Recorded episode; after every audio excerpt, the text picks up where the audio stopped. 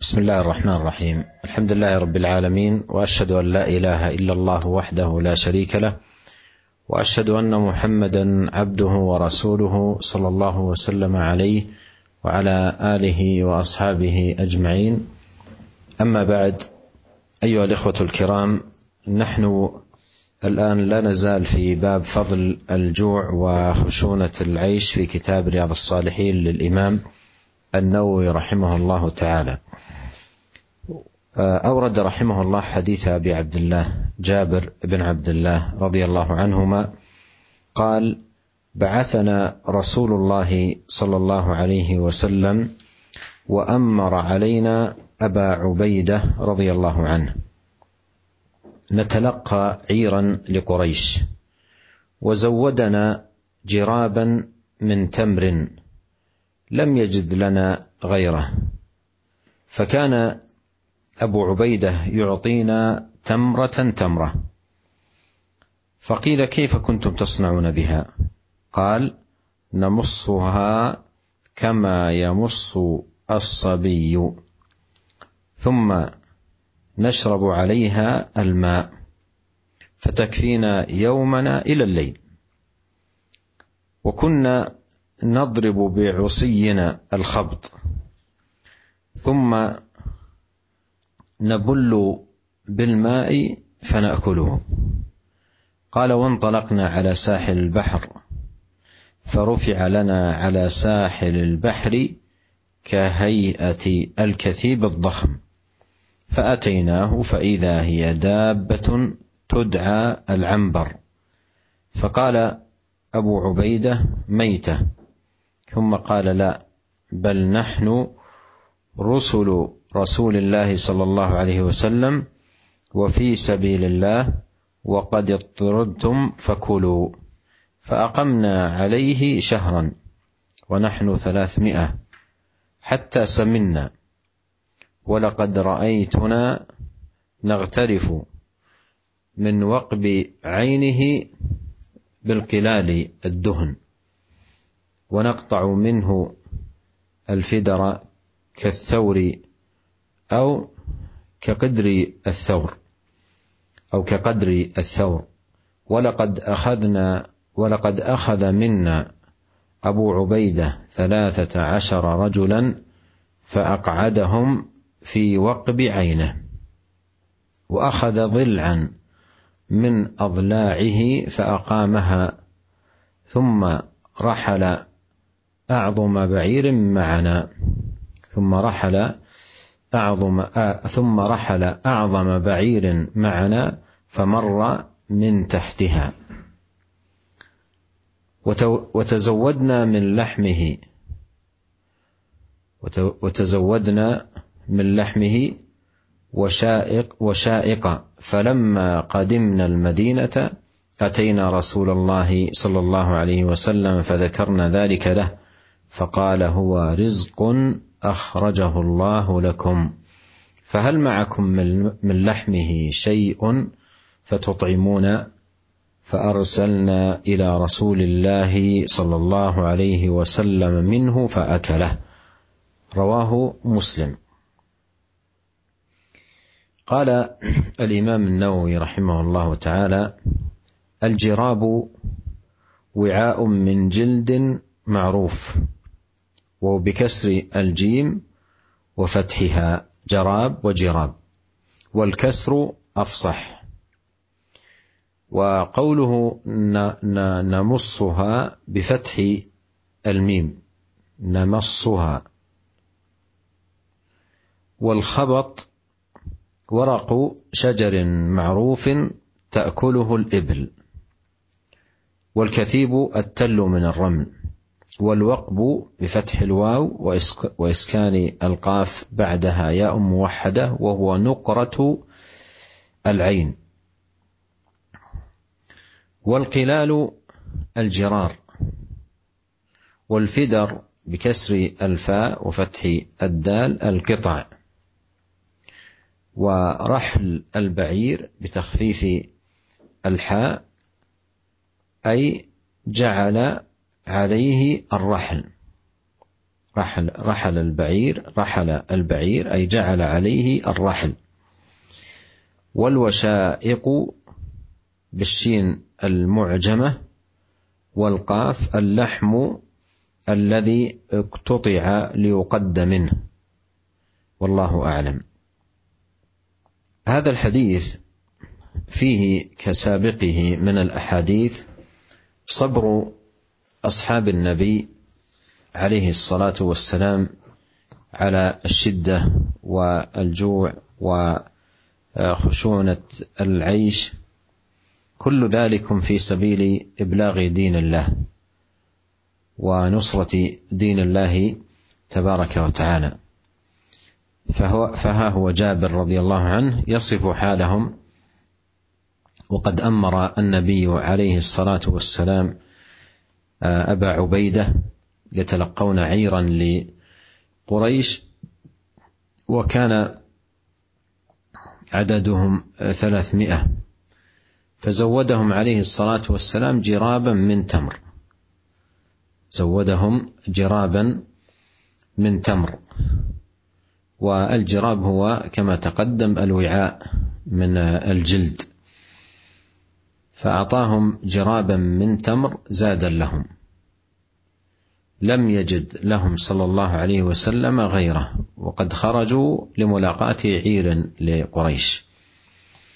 فكان أميرهم أبو عبيدة رضي الله عنه وأرضاه يعطيهم من هذا الجراب تمرة تمرة كل يوم تمرة واحدة.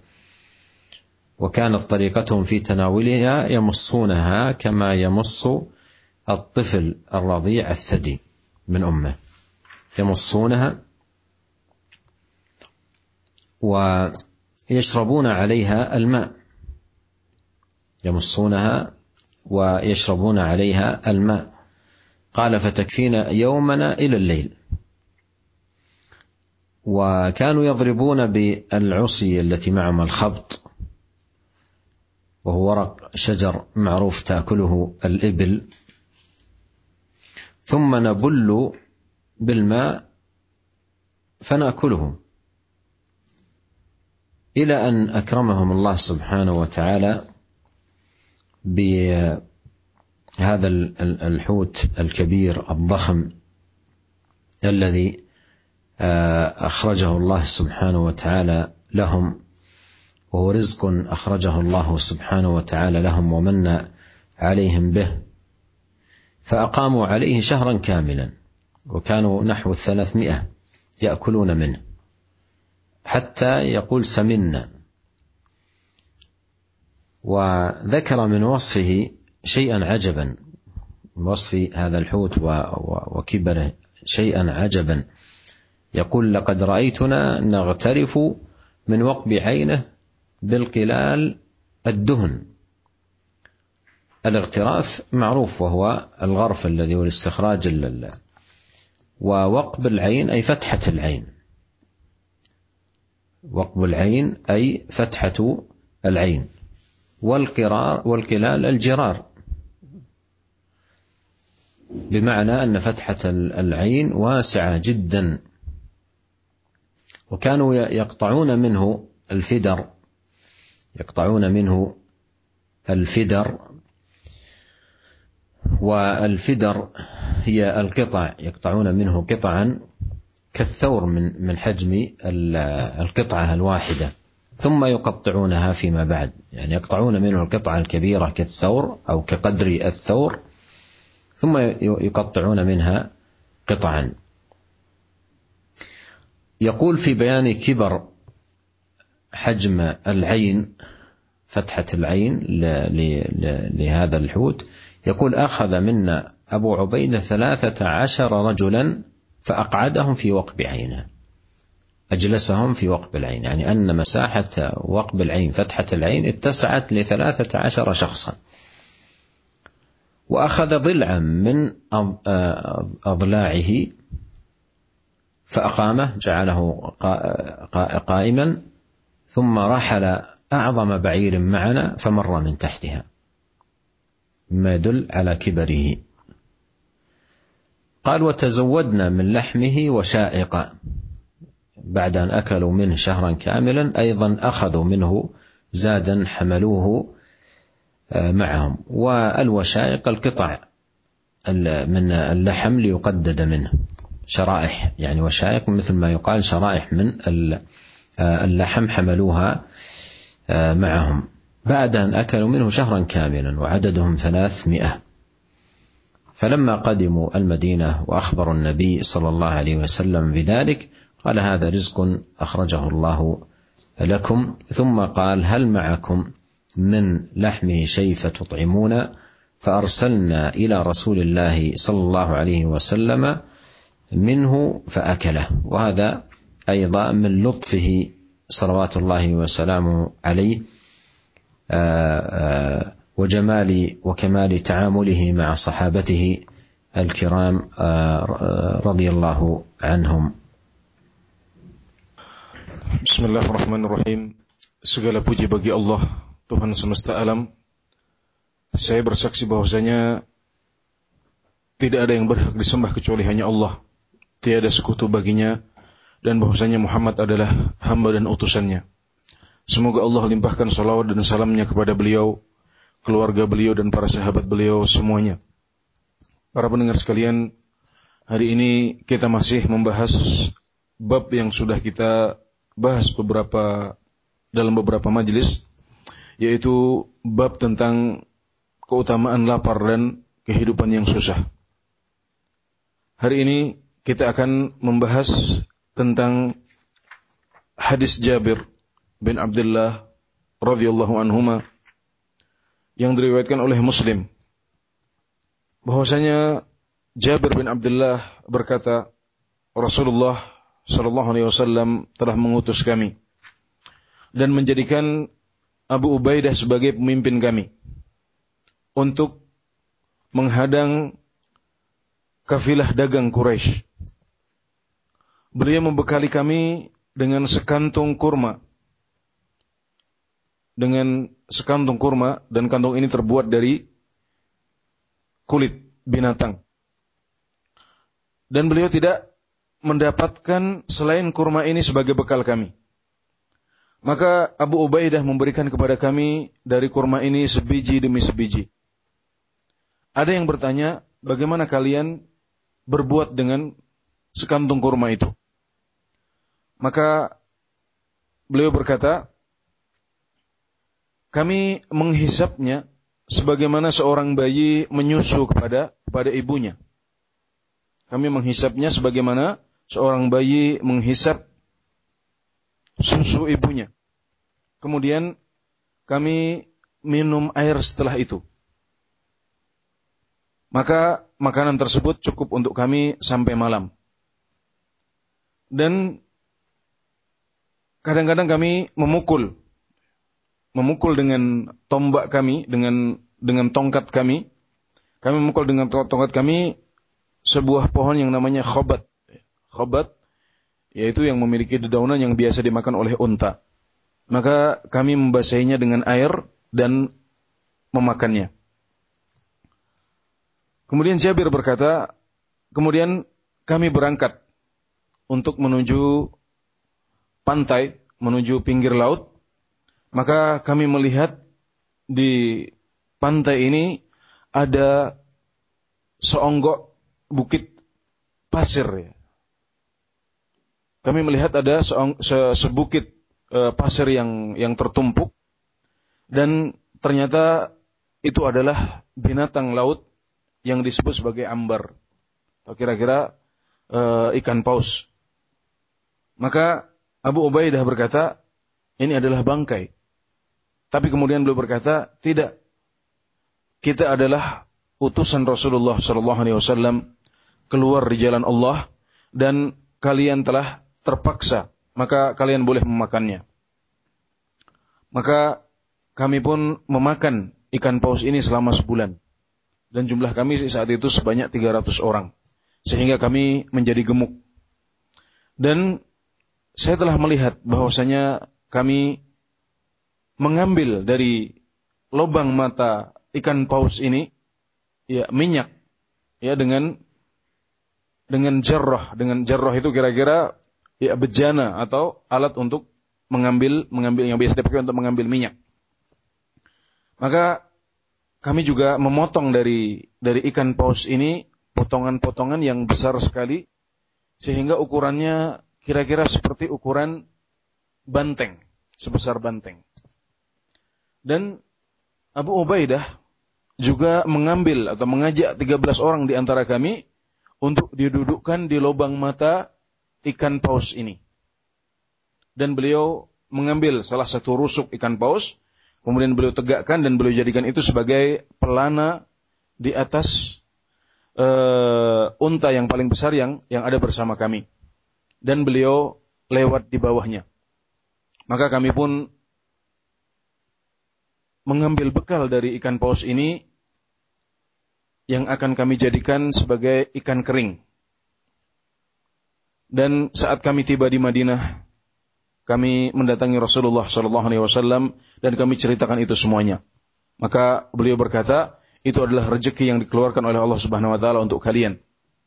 Maka adakah ada adakah bersama kalian sebagian dari daging ikan itu agar kami juga agar kami juga ikut merasakan uh, daging ikan paus itu. Maka kami pun mengirim untuk Rasulullah Sallallahu Alaihi Wasallam sebagian daging yang sudah kami simpan dan beliau pun memakannya.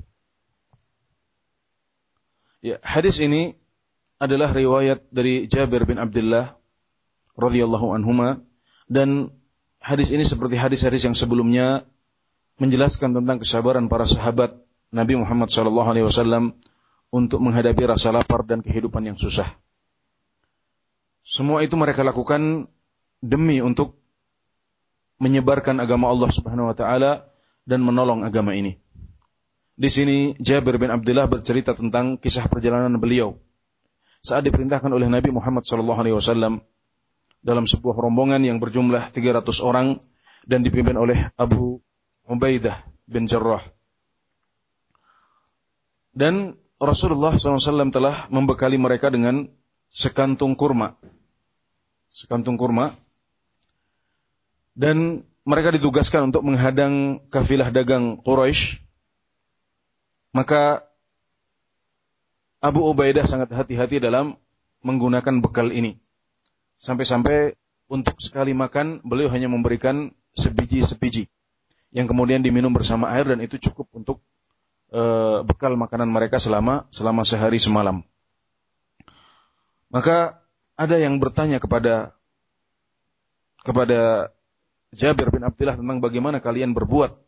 Bagaimana kalian berbuat dengan bekal yang sedikit itu. Maka beliau mengatakan kami menghisapnya sebagaimana seorang anak kecil menyusui ibunya. Kemudian kami minum setelah itu air. Bahkan kadang-kadang mereka hanya memakan daun-daunan yang dibasahi. Dan suatu saat mereka mendapatkan rezeki dari Allah Subhanahu wa taala saat mereka melihat seonggok ikan paus yang sudah mati di pinggir pantai.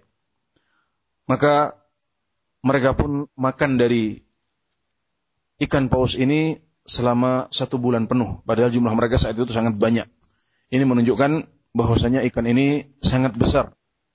Bahkan Rasulullah Shallallahu Alaihi Wasallam bahkan uh, Jabir bin Abdullah mengisahkan bahwasanya di antara yang menunjukkan besarnya ikan ini bahwa Abu Abu Ubaidah bin Jarrah pernah mengajak 13 orang untuk mencoba duduk di lubang matanya.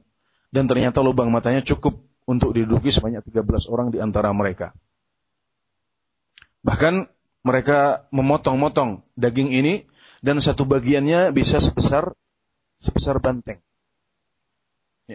Kemudian beliau mengambil salah satu rusuk dari ikan ini dan dipakai untuk uh, dipakai untuk pelana atau tempat duduk di atas di atas di atas uh, unta yang paling besar di antara mereka. Hal ini menjelaskan kepada kita bahwasanya ikan ini sangat besar dan di akhir hadis ketika Rasulullah SAW menerima mereka setelah mereka tiba di Madinah.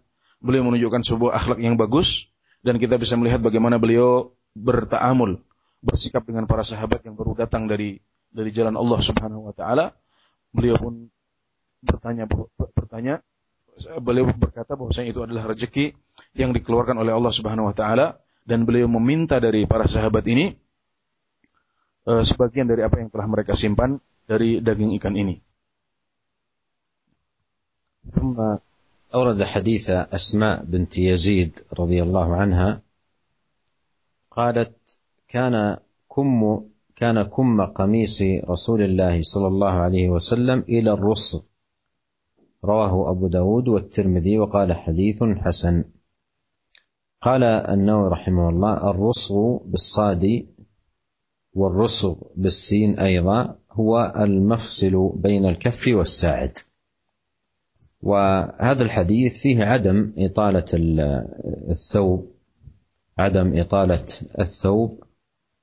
آه، وأن هذه الإطالة أبعد بالعبد عن الفخر والخيلاء. فجاء في هذا الحديث أن كم آه، ثوب أو قميص النبي عليه الصلاة والسلام إلى الرسل Selanjutnya sebuah hadis yang diriwayatkan oleh uh, Abu Dawud dan Tirmidzi dengan sanad yang hasan dari Asma bintu Yazid radhiyallahu anha beliau berkata lengan baju Rasulullah sallallahu alaihi wasallam itu sampai ke rusuk dan rusuk itu adalah batas antara telapak tangan dengan dengan lengan kita batas antara jadi uh, tulang yang membatasi antara telapak tangan kita dengan dengan lengan tangan kita. Itu namanya rusuk. Dan hadis ini menjelaskan bahwasanya gamis yang dipakai oleh Rasulullah SAW itu dulu lengannya tidak begitu panjang. Tidak terlalu panjang dan hanya sampai kepada rusuk, yaitu e, batas atau e, tulang yang menjadi batas antara telapak tangan kita dengan dengan lengan tangan kita. Dan ini menunjukkan bahwasanya beliau tidak memanjangkan pakaian beliau bukan hanya di bawah tapi di bagian atasnya juga tidak menggunakan kain yang terlalu panjang hanya sampai ke pergelangan tangan saja hanya sampai pergelangan tangan saja dan itu lebih jauh dari sifat uh, sombong dan takabur أورد رحمه الله تعالى حديث جابر رضي الله عنه قال إن كنا يوم الخندق نحفر فعرضت كدية شديدة. فجاءوا إلى النبي صلى الله عليه وسلم فقالوا هذه كدية عرضت في الخندق. فقال أنا نازل. ثم قام وبطنه معصوب بحجر. ولبثنا ثلاثة أيام لا نذوق ذواقا فأخذ النبي صلى الله عليه وسلم المعول فضرب. فعاد كثيبا أهيل أو أهيم. فقلت يا رسول الله ائذن لي إلى البيت. فقلت لامرأتي رأيت بالنبي صلى الله عليه وسلم شيئا ما في ذلك صبر فعندك شيء؟ فقالت عندي شعير وعناق. فذبحت العناق وطحنت الشعير حتى جعلنا اللحم في البرمة. ثم جئت النبي صلى الله عليه وسلم والعجين قد انكسر والبرمة بين الاثافي قد كادت تنضج. فقلت طعيم لي فقم أنت يا رسول الله ورجل أو رجلان. قال كم هو؟ فذكرت له فقال كثير طيب. قل لها لا تنزع البرمة ولا الخبز من التنور حتى آتي. فقال قوموا. فقام المهاجرون والأنصار. فدخلت عليها فقلت ويحك. جاء النبي صلى الله عليه وسلم والمهاجرون والأنصار ومن معهم. قالت هل سألك؟ قلت نعم. قال ادخلوا ولا تضاغطوا.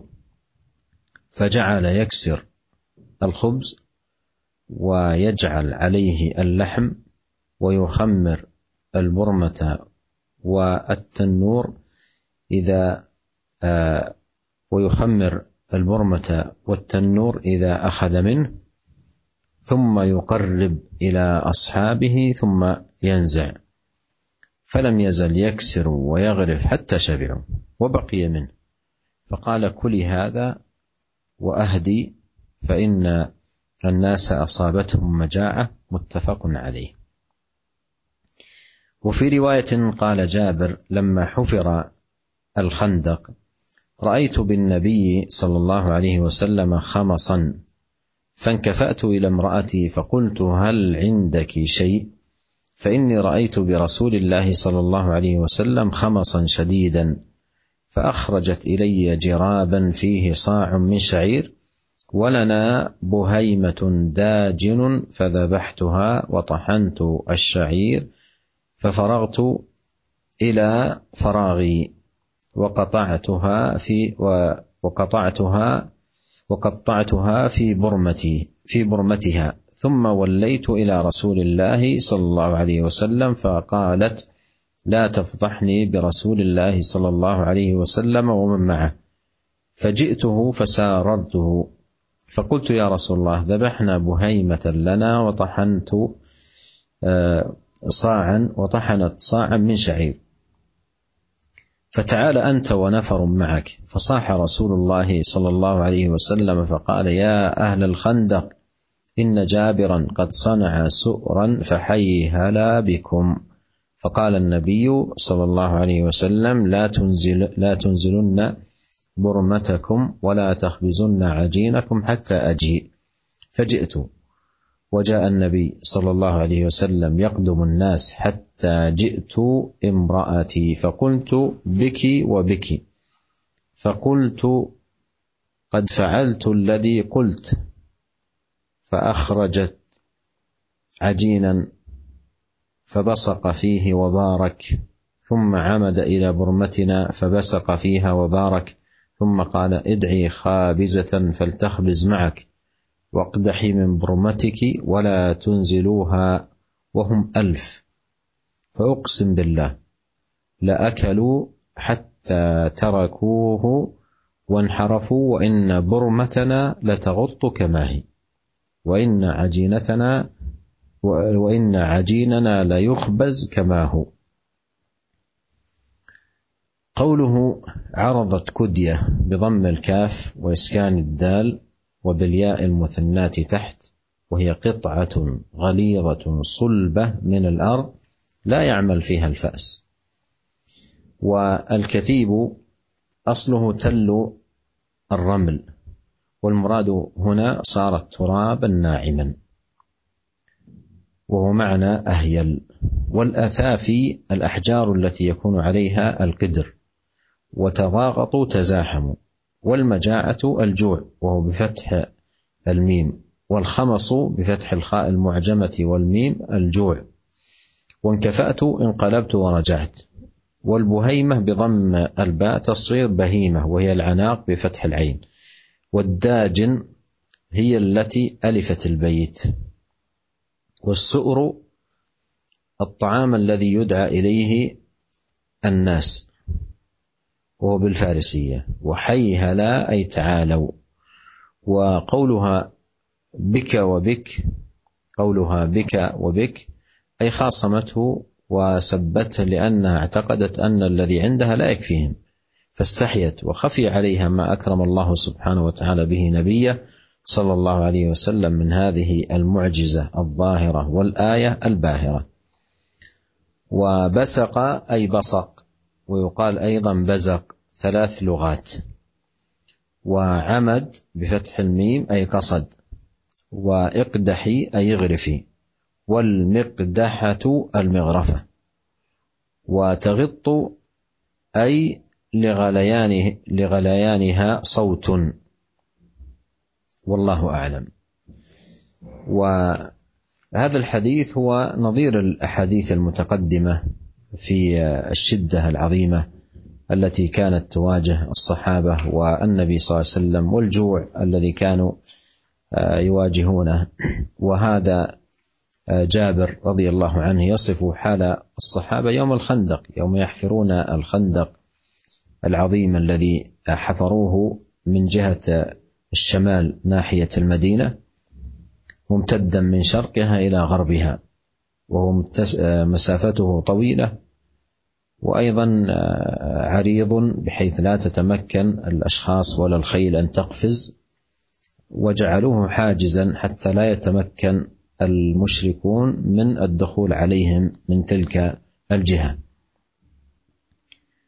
وأخذوا يحفرون وكانوا وقت الحفر يعانون من الجوع حيث يقول لبثنا ثلاثة أيام لا نذوق ذواقا ثلاثة أيام لا نذوق ذواقا أي لم نطعم آه، طعاما.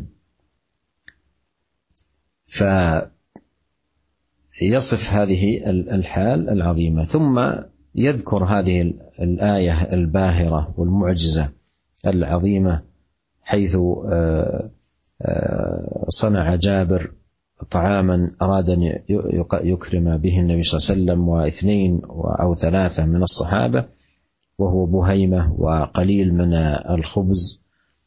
فدعا النبي صلى الله عليه وسلم المهاجرين والأنصار وكانوا يبلغون ألف فأكلوا كلهم منها حتى شبعوا وبقي أيضا في البرمة وبقي في الخبز. وأمرها النبي صلى الله عليه وسلم أن تهدي وقال لها إن الناس في في مجاعة. فهذه آية من الآيات ومما أكرم الله سبحانه وتعالى به نبيه صلوات الله وسلامه عليه. والشاهد هو الشدة التي لقيها الصحابة من جوع ونحوه كما في هذا الحديث وغيره من الأحاديث التي مرت معنا. Selanjutnya sebuah hadis yang diriwayatkan oleh Al-Bukhari dan Muslim dari Jabir radhiyallahu anhu bahwasanya beliau berkata, "Sungguh pada hari Khandaq kami telah menggali tanah. Maka kami menemukan tanah yang keras yang tidak bisa ditembus oleh kapak kami. Maka para sahabat pun datang kepada Nabi Muhammad SAW dan mereka berkata, wahai Rasulullah, kami menemukan seonggok tanah yang keras yang tidak bisa ditembus oleh oleh kapak kami. Maka beliau berkata, saya akan turun. Kemudian beliau pun bangkit dan perut beliau diikat dengan uh, sebongkah batu. Dan kata Jabir kami saat itu tiga hari tidak pernah merasakan sedikit pun makanan. Maka Nabi Muhammad SAW mengambil kapak dan memukulkannya dan akhirnya tanah yang keras itu pun segera pecah dan mudah untuk digali. Maka saya berkata, wahai Rasulullah, izinkanlah saya untuk pulang ke rumah. Saya pun berkata kepada istri saya, saya telah melihat Nabi Muhammad SAW merasakan kelaparan yang kita tidak mungkin bersabar bersamanya apakah kamu punya sesuatu untuk dimakan? Maka istri saya berkata, saya punya gandum dan seekor kambing betina. Maka saya pun menyembelih kambing betina itu dan memasak gandum yang ada di rumah. Sampai kami menjadikan daging dari kambing itu di atas panci dan memasaknya. Maka kami pun datang kepada saya pun datang kepada Nabi Muhammad SAW dan saat itu gandum sudah dimasak dan panci sudah berada di atas batu pemanas ya, atau di atas tungku dan hampir matang. Maka saya berkata, wahai Rasulullah, ada sedikit makanan di rumah. Maka saya mengundang Anda dan beberapa sahabat ya, satu orang atau dua orang untuk datang menikmati makanan yang ada di rumah. Maka beliau bertanya, ada berapa yang sudah kamu siapkan? Atau makanan apa yang sudah kamu siapkan? Maka beliau pun bercerita bahwasanya beliau sudah menyembelih seekor kambing betina dan e, telah menyiapkan juga gandum yang dimasak untuk dibuat roti. Maka beliau berkata, banyak dan itu baik katakan kepada istrimu agar dia tidak mengangkat panci dan juga tidak mengangkat uh, roti dari gandum itu, jangan mengambil roti dari tempat ia dibuat sampai saya datang. Maka beliau berkata, ayo kalian semua berangkatlah. Maka muhajir dan ansar semuanya yang ada pada saat itu segera bangkit. Dan saya pun ketika melihat jumlah yang besar ini berkata kepada istri saya, aduh, Nabi Muhammad SAW telah datang bersama muhajir dan ansar semuanya. Maka istri saya berkata, apakah dia bertanya sesuatu? atau menyuruh sesuatu, maka saya pun katakan iya. Maka Rasulullah SAW berkata, kalian semua masuklah dan jangan berdesakan. Maka beliau pun memecah roti dan meletakkan daging di atas roti tersebut dan menutup panci serta tempat pembuatan roti jika beliau mengambil sesuatu darinya. Setiap belum mengambil roti atau daging beliau menutup kembali panci dan tempat membuat roti itu atau yang disebut sebagai tanur atau kira-kira bisa kita terjemahkan sebagai oven ya yang ada pada saat itu untuk membuat roti oven yang dipakai untuk membuat roti maka beliau menghidangkan makanan tersebut kepada para sahabat beliau dan terus demikian sampai semuanya kenyang dan ternyata makanan tersebut bersisa maka beliau berkata kepada istri saya makanlah makanan ini dan berikanlah hadiah karena orang-orang sedang menghadapi musibah kelaparan saat ini. Ya. Dalam riwayat yang lain, Jabir mengatakan ketika khandak atau parit sedang digali, saya melihat Nabi Muhammad SAW sedang kelaparan. Maka saya pun kembali ke rumah untuk bertemu dengan istri saya dan saya berkata, apakah kamu punya sesuatu untuk dimakan? Sesungguhnya saya telah melihat Rasulullah SAW sedang kelaparan yang sangat, sedang merasakan kelaparan yang sangat. Maka istri saya mengeluarkan uh, kantung yang berisi satu sa' gandum. Dan kami memiliki binatang piaraan yang kecil, maka kami pun menyembelihnya. Dan istri saya menggiling gandum tersebut maka dia memotong-motong daging itu. Dia memotong-motong daging itu dan memasukkannya ke dalam panci dan saya pun kembali berpaling menuju Rasulullah sallallahu alaihi saya pun kembali berlalu menuju Rasulullah sallallahu alaihi wasallam. Maka istri saya berkata saat para sahabat datang, "Janganlah engkau buka aib kami di depan Rasulullah SAW dan para sahabatnya." Maka saya pun datang kepada Rasulullah Wasallam dan berkata kepada beliau, wahai Rasulullah, kami telah menyembelih binatang piaraan kami yang kecil dan istri saya telah menyiapkan roti dari gandum. Maka silahkan anda datang bersama beberapa orang ke rumah kami untuk menikmati hidangan tersebut. Maka Rasulullah SAW berteriak kepada para sahabat dan berkata, wahai pembuat parit, wahai para pembuat parit, sesungguhnya Jabir telah menyiapkan hidangan untuk kita maka mari kita bersama-sama ke rumah. Dan Nabi Muhammad SAW berpesan, jangan kamu turunkan panci dan juga jangan membuat roti sampai saya datang. Maka saya pun datang dan Nabi Muhammad SAW tiba bersama orang-orang yang bersama beliau dan saya pun berkata kepada istri saya ketika melihat jumlah yang besar uh, dan maaf istri saya berkata kepada saya saat melihat jumlah yang besar, e, celakalah, celakalah. Ya, karena beliau takut makanan tersebut tidak tidak cukup untuk semuanya. Maka saya berkata kepada istri saya, saya telah mengatakan kepada Rasulullah SAW pesan yang kamu sampaikan tadi itu. Maka dia pun mengeluarkan uh, adonan roti dan Rasulullah SAW meludahinya dan mendoakan barokah. Kemudian beliau menuju ke panci tempat kami memasak dan beliau juga meludah di situ serta mendoakan agar mendapatkan barokah. Kemudian beliau berkata, "Panggillah wanita pembuat roti dan hendaklah dia membuatnya bersamamu." Ini beliau katakan kepada istrinya Jabir. Dan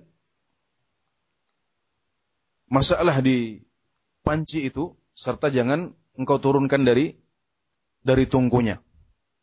Jumlah mereka saat itu seribu dan saya bersumpah demi Allah Subhanahu wa taala semua mereka bisa makan dan saat mereka meninggal meninggalkan tempat kami pun panci tersebut masih bersuara karena mendidih.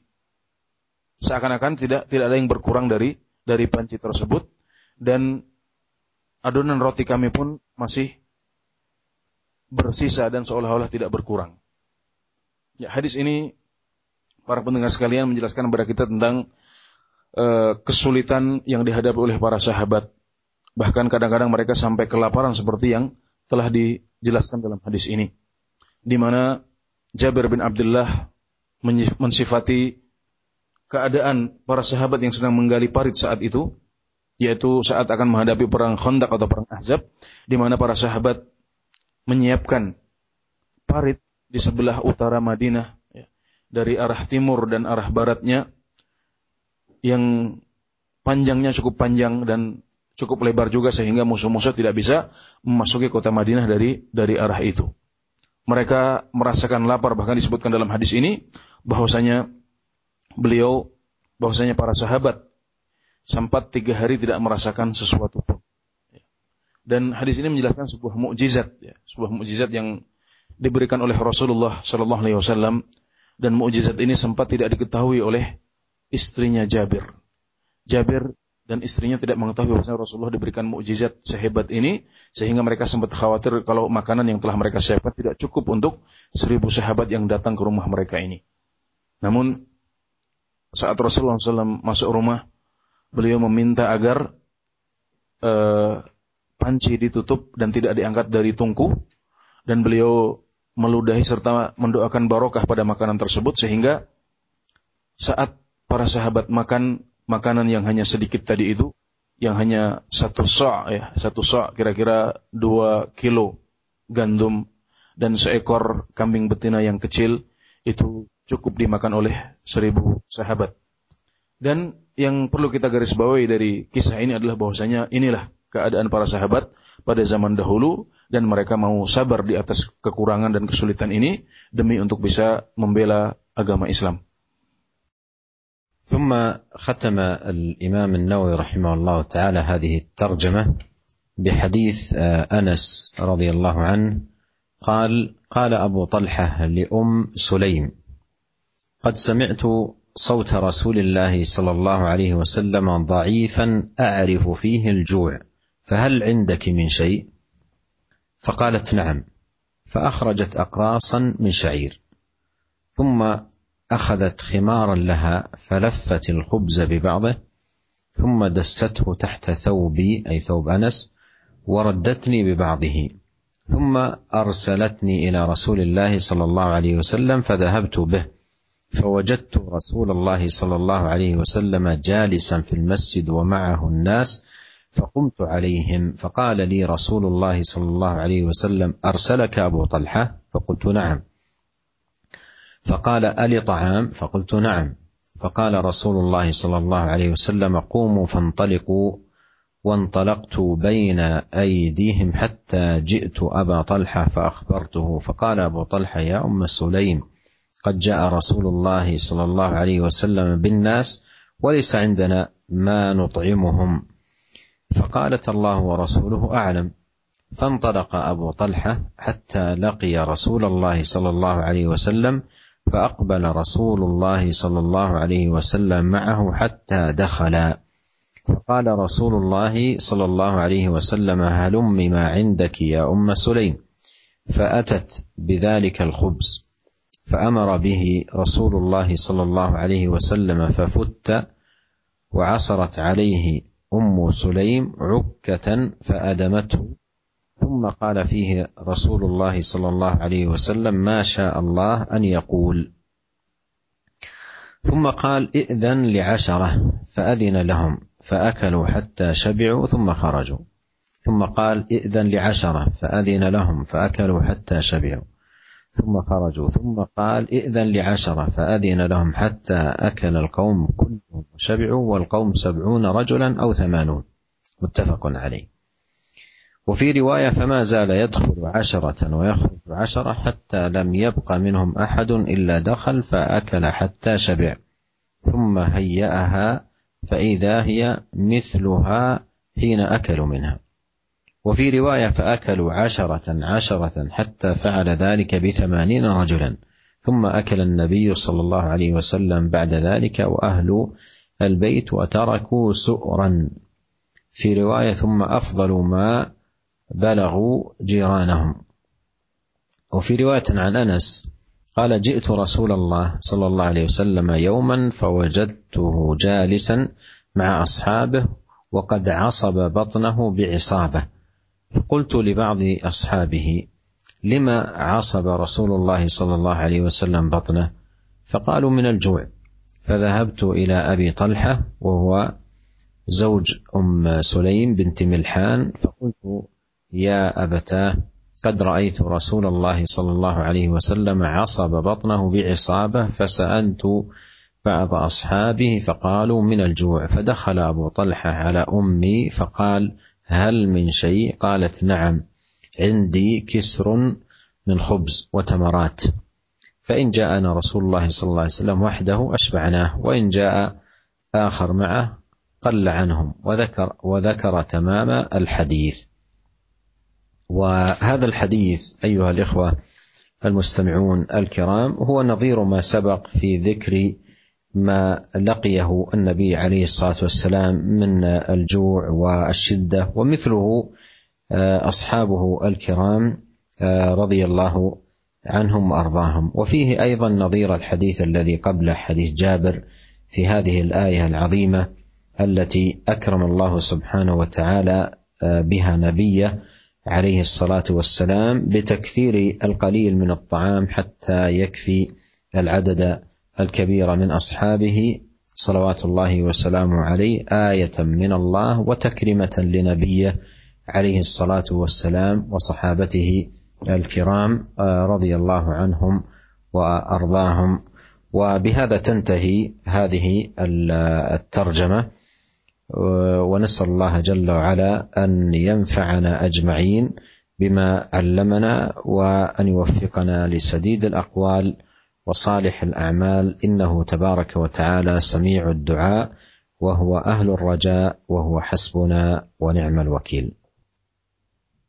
Ya, selanjutnya sebuah hadis yang diriwayatkan oleh Al-Bukhari dan Muslim dan merupakan hadis yang terakhir di bab ini dari Anas bin Malik radhiyallahu anhu beliau berkata Abu Talhah berkata kepada Ummu Sulaim saya telah mendengar suara Rasulullah sallallahu alaihi wasallam melemah yang membuat saya tahu bahwasanya beliau sedang kelaparan. Maka apakah engkau memiliki sesuatu untuk dimakan? Ummu Sulaim berkata iya. Maka beliau pun mengeluarkan gandum. Dan beliau menutupi beliau mengambil ya khimar atau semacam kerudung ya untuk ya beliau mengambil kerudung kemudian beliau lipat beliau melipat roti dengan kerudung tersebut. Kemudian beliau mengirim saya ini kata Anas bin Malik beliau mengirim saya Anas bin Malik kepada Rasulullah sallallahu alaihi wasallam maka saya pun membawa maka saya pun berangkat kepada Rasulullah Shallallahu Alaihi Wasallam dan saya mendapatkan Nabi Muhammad SAW berada di masjid dan bersama beliau ada orang-orang. Maka saya pun berkata kepada Rasulullah, maka saya pun menemui Rasulullah SAW dan beliau berkata kepada saya, apakah engkau diutus oleh Abu Talhah? Abu Talhah ini adalah uh, ayah tirinya Anas bin Malik. Ya. Maka saya berkata, iya, saya diutus oleh Abu Talha. Maka Rasulullah berkata, apakah untuk undangan makan? Saya pun menjawab, iya. Rasulullah, Rasulullah SAW pun berkata kepada para sahabat yang ada bersama beliau, bangkitlah, kita pergi ke rumah Abu Talha. Maka mereka pun berangkat dan saya mendahului mereka. Saya berjalan di depan mereka Sampai saya datang kepada Abu Talha, maka saya pun sampaikan berita datangnya Rasulullah dan para sahabat beliau. Maka Abu Talha berkata kepada Ummu Sulaim, "Wahai Ummu Sulaim, Rasulullah SAW telah datang dengan orang-orang dan kita tidak punya makanan yang bisa cukup untuk mereka." Maka Ummu Sulaim berkata, "Allahu wa rasuluhu a'lam." Allah dan Rasulnya lebih mengetahui. Maka Abu Talha berangkat sampai bertemu dengan Rasulullah Sallallahu Alaihi Wasallam dan Rasulullah segera tiba setelah itu bersama orang-orang yang bersama beliau. Maka masuklah Abu Talha dan Rasulullah ke dalam rumah. Maka Rasulullah berkata kepada Ummu Sulaim, Wahai Ummu Sulaim, berikan makanan yang engkau miliki. Maka Ummu Sulaim datang dengan roti. Maka Rasulullah SAW pun memerintahkan agar roti tersebut dibuka. Dan Ummu Sulaim menyiapkan minyak samin sebagai lauk untuk roti tersebut. Maka Rasulullah Shallallahu Alaihi Wasallam mendoakan makanan yang telah disiapkan oleh Ummu Sulaim tersebut dan beliau berkata izinkan 10 orang untuk masuk. Maka masuklah 10 orang dan mereka pun makan sampai kenyang dan kemudian keluar. Setelah selesai Rasulullah berkata lagi, izinkan untuk 10 orang lagi, maka mereka pun diizinkan untuk masuk dan seperti yang tadi mereka makan sampai kenyang dan keluar. Demikian Rasulullah berkata lagi, izinkan 10 orang untuk masuk, maka masuklah 10 orang dan makan sampai kenyang kemudian keluar dan demikian seterusnya sampai semuanya makan dan kenyang. Padahal jumlah mereka saat itu sebanyak 70 orang atau 80 orang. Ya, dalam riwayat yang lain disebutkan dan sepuluh orang sepuluh orang terus masuk sampai tidak tersisa dari mereka kecuali satu orang saja dan dia pun masuk makan dan kenyang. Kemudian saat Ummu Sulaim membereskan sisa makanan yang ada, ternyata makanan itu tidak berkurang dan masih seperti jumlahnya saat mereka mulai makan. Dan dalam riwayat yang lain, mereka pun makan 10 demi 10 sampai 80 orang semuanya bisa makan dan setelah itu Nabi Muhammad SAW makan bersama bersama ahlul bait bersama tuan rumah dan masih tersisa makanan yang lain. Dalam riwayat yang lain lagi dan mereka masih menyisakan makanan yang bisa dimakan oleh tetangga-tetangga mereka. Dalam satu riwayat yang lain dari Anas disebutkan saya datang kepada Rasulullah Shallallahu Alaihi Wasallam pada suatu hari, maka saya dapatkan beliau sedang duduk bersama para sahabat beliau, dan beliau telah mengikat perut beliau dengan sebuah tali. Maka saya pun bertanya kepada sebagian sahabat, kenapa Rasulullah Shallallahu Alaihi Wasallam mengikat perut beliau? Mereka pun mengatakan itu karena beliau lapar. Maka saya datang kepada Abu Talhah dan beliau adalah suami dari Ummu Sulaim binti Milhan maka saya berkata, wahai ayahanda, saya telah melihat Rasulullah mengikat perut beliau dengan suatu ikatan. Maka saya bertanya kepada para sahabat beliau dan mereka menjawab, itu karena beliau sedang lapar. Maka Abu Talha pun datang kepada Ummu Sulaim dan berkata, apakah kamu punya sesuatu untuk dimakan? Dan Ummu Sulaim mengatakan, ya, saya punya sepotong roti dan beberapa uh, biji kurma. Jika Rasulullah SAW datang sendiri, maka kita akan bisa membuat beliau kenyang. Namun jika beliau datang bersama orang lain, maka itu akan kurang dan tidak akan cukup. Kemudian beliau menyebutkan hadis e, secara lengkap. Ya, hadis ini yang merupakan hadis terakhir dalam bab ini e, senada dan selaras dengan hadis-hadis yang sudah sudah kita sebutkan tadi yang menjelaskan tentang e, rasa lapar dan kesulitan yang dihadapi oleh Rasulullah SAW dan para sahabat dan hadis ini juga menjelaskan tentang mukjizat yang dengannya Rasulullah Shallallahu Alaihi Wasallam dimuliakan oleh Allah Subhanahu Wa Taala, yaitu beliau bisa memperbanyak makanan yang sedikit. Ya. Beliau bisa uh, dengan izin Allah Subhanahu Wa Taala bisa menjadikan makanan yang sedikit cukup untuk banyak orang, seperti yang terjadi pada kisah dalam hadis Jabir yang baru saja kita lalui tadi. Ya, dengan demikian maka keutamaan lapar dan kesulitan hidup ini telah selesai dan kita berdoa kepada Allah Subhanahu wa taala semoga apa yang sudah kita pelajari bermanfaat dan semoga Allah memberikan kepada kita taufik untuk bisa berkata-kata dan berbuat yang baik. Dialah yang maha mendengar dan menjawab doa kita dan dialah yang uh, pantas untuk menjadi harapan kita semuanya. Nah, kami mengucapkan jazakumullahu khairan kepada Fadilatul Syekh dan Al Ustaz Anas yang telah menyampaikan darah yang bermanfaat di sore hari ini. Demikian saudaraku seiman untuk selanjutnya kita memasuki sesi tanya jawab untuk Anda yang akan bertanya.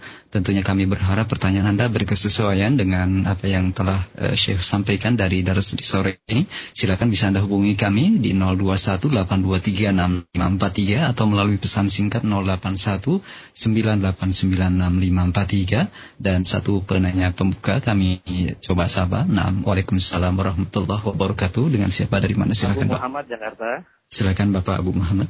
Uh, tadi penjelasan saya mengenai hadis di uh, bagaimana Rasulullah memberikan satu keberkahan dalam makanan itu. Hmm. Di sini pernah ada kejadian satu lima. Iya. Itu dengan logika itu kemampuan makan yang kerjakan jangan tidak mencukupi. Iya. Tapi karena dengan ketulusan dia, keikhlasan dan berdoa kepada Allah, ternyata itu bisa tercukupi dan hmm. bisa berlebih. Hmm. Apakah dengan pelajaran hadis ini itu bisa terjadi juga dengan kondisi yang sekarang ini? Nah. Jazakallah khairan. Assalamualaikum warahmatullahi wabarakatuh. Waalaikumsalam warahmatullahi wabarakatuh. Wa jazakallah khairan untuk Bapak Abu Muhammad. Silakan Ustaz. إكرام الله سبحانه وتعالى لعبده المؤمن ولا سيما مع الحاجة والشدة. هذا أمر متكرر وثابت. وهذا من باب الإكرام آه الذي يكرم الله سبحانه وتعالى به عبده بأن يبارك له في في, في. وهذا له أيضا أسباب. من أراد أن يبسط له في ينسأ له في أثره ويبسط له في رزقه فليصل رحمه. فمع الصلاح الذي يكون عليه العبد والاستقامة قد يحصل من ذلكم شيء كرامة من الله تبارك وتعالى. والمؤمن إذا حصل له شيء من ذلك يسره ولا يغره. لا يغتر بذلك ويقول أنا من الأولياء أو أنا من الأتقياء أو غير ذلك وإنما يسر بما يسر بما أكرمه الله تبارك وتعالى به. وفي الوقت نفسه يجتهد في الإقبال على الخير وعلى طاعة الله سبحانه وتعالى. Ya, uh, yang pertama pertanyaan tentang uh, sebuah kisah yang terjadi dalam sebuah walimah di mana uh, tuan rumah uh, telah menyiapkan makanan yang diperkirakan tidak mencukupi tamu yang datang. Namun ternyata tamu yang datang bisa makan dan kenyang semuanya di luar perkiraan mereka, maka apakah ini termasuk e, barokah seperti yang disebutkan dalam hadis yang baru saja kita pelajari. Dijawab oleh Syekh bahwasanya e, Allah Subhanahu wa taala memang kadang-kadang memuliakan hamba-hambanya ya. Memuliakan hamba-hambanya dengan e, barokah pada harta yang telah mereka miliki. Dan ini adalah sebuah perkara yang jelas benar dan terjadi dalam agama kita. Allah Subhanahu wa taala kadang-kadang memuliakan hambanya ya, dalam di antaranya dengan memberikan barokah pada rezeki yang telah mereka yang telah mereka raih. Di antaranya seperti yang disabdakan oleh Nabi Muhammad SAW dalam sebuah hadis yang artinya barang siapa yang ingin untuk diluaskan rezekinya ya, dan dipanjangkan umurnya maka hendaklah dia e, menyambung tali silaturahim ya. Dan luasnya rezeki ini bisa berupa uh, karomah kemuliaan dari Allah Subhanahu wa taala dengan diberikan diberikan rezeki yang barokah seperti ini. Namun jika seorang di antara kita jika seorang di antara kita mendapatkan kejadian seperti ini atau kita sendiri yang uh, mendapatkan kejadian seperti itu di rumah kita, maka hendaklah kita bergembira, hendaklah kita bergembira dengan barokah yang telah Allah berikan pada rezeki yang kita miliki, pada harta yang kita miliki, namun jangan sampai kita terpedaya. Jangan lantas mengatakan, oh itu berarti saya termasuk wali. Saya termasuk orang yang dicintai oleh Allah Subhanahu wa taala. Saya termasuk uh, wali ya, seperti yang di, di, dilakukan oleh sebagian orang. Namun hendaklah tidak masalah kita tidak masalah kita bergembira dengan kejadian seperti itu, namun hendaklah hal itu lebih mendorong kita untuk lebih taat kepada Allah Subhanahu wa taala dengan menjalankan perintah-perintahnya dan menjauhi semua larangannya. Nah, jazakallah khairan atas jawaban yang disampaikan oleh Syekh.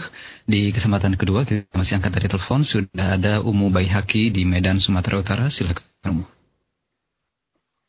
Assalamualaikum Syekh. Waalaikumsalam warahmatullahi wabarakatuh. Barakallahu fikum Syekh. Uh, gini Syekh, saya berada di antara dua pertentangan antara suami dengan orang tua.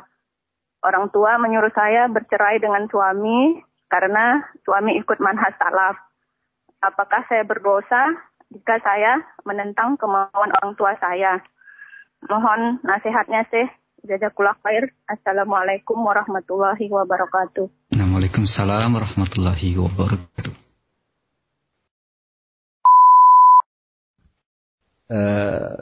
الوالد والوالدة يطاعان في مثل هذا الأمر إذا كان طلب الطلاق أو العرض بطلب الطلاق مبني على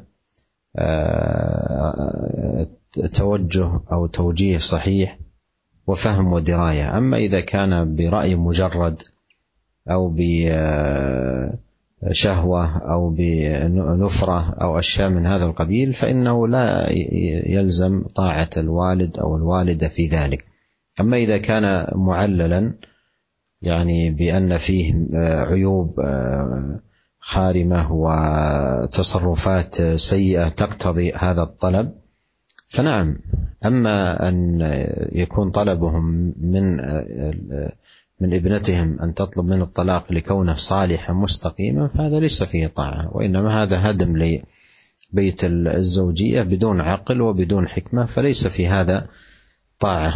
والذي توصى به هذه المرأة برها بوالديها وتلطفها معهم لكن لا تطلب من زوجها الطلاق وتبقى معه ولا سيما وقد وصفته بالاستقامة والصلاح واتباع منهج السلف الصالح. Ya, pertanyaan selanjutnya tentang uh, suami eh, tentang orang tua yang meminta anaknya agar meminta cerai dari suaminya yang uh, mengikuti manhaj salaf ya. Dijawab oleh Syekh bahwasanya uh, kedua orang tua kita itu harus ditaati dalam masalah seperti ini jika permintaan cerainya terbangun di atas alasan yang baik, di atas alasan yang masuk akal dan berdasarkan pemahaman serta studi yang yang baik. Adapun kalau permintaan cerai tadi dilakukan atas dasar e, pemikiran sesaat atau pemahaman yang kurang, maka hal seperti ini tidak perlu untuk tidak perlu untuk ditaati. Tidak perlu untuk ditaati. Kalau seandainya orang tua memiliki alasan yang kuat, ya, misalnya suami memiliki aib yang tidak pantas, ya, memiliki pelanggaran agama yang yang besar, ya, maka saat itulah permintaan orang tua bisa kita turuti. Adapun kalau seperti yang kita sebutkan tadi itu yang alasannya tidak kuat ya. Bahkan disebutkan justru karena si suami mengikuti ajaran agama yang baik. Dia menjadi soleh dan mustaqim ya. Menjadi orang yang e, menepati ajaran agamanya. Maka permintaan cerai seperti ini adalah e, merusak rumah tangga. Sehingga e, si istri atau si wanita tidak perlu untuk menaati orang tuanya dalam dalam hal seperti ini. Namun yang perlu kami nasihatkan kepada uh, istri dan suaminya hendaklah uh, mereka melakukan bakti ya birrul walidain hendaklah mereka birrul walidain taat kepada mereka dan eh, pelan-pelan uh, menjelaskan masalah ini kepada mereka sehingga tidak terjadi uh, perpecahan dalam keluarga. Jazakallah khairan atas jawabannya. Kami mohon pada Fadilatul Syekh untuk memberikan ikhtitam pada dars kita. Nah. في ختام هذا اللقاء اسال الله عز وجل لنا جميعا التوفيق والسداد وان يبارك لنا فيما علمنا وان يجعله حجه لنا لا علينا وان يصلح لنا شاننا كله ان انه تبارك وتعالى سميع قريب مجيب وصلى الله وسلم على عبده ورسوله نبينا محمد وعلى اله وصحبه اجمعين والسلام عليكم ورحمه الله وبركاته Waalaikumsalam warahmatullahi wabarakatuh. Di akhir majelis ini kita berdoa semoga Allah Subhanahu wa taala memberkahi ilmu yang telah kita pelajari dan menjadikannya hujah untuk kita bukan hujah atas kita. Semoga Allah memperbaiki keadaan kita semuanya. Sesungguhnya Dialah yang Maha mendengar lagi Maha menjawab dan akhirnya salawat dan salam kita kita doakan semoga terlimpah kepada Nabi Muhammad SAW, keluarga dan para pengikut beliau semuanya. Wassalamualaikum warahmatullahi wabarakatuh.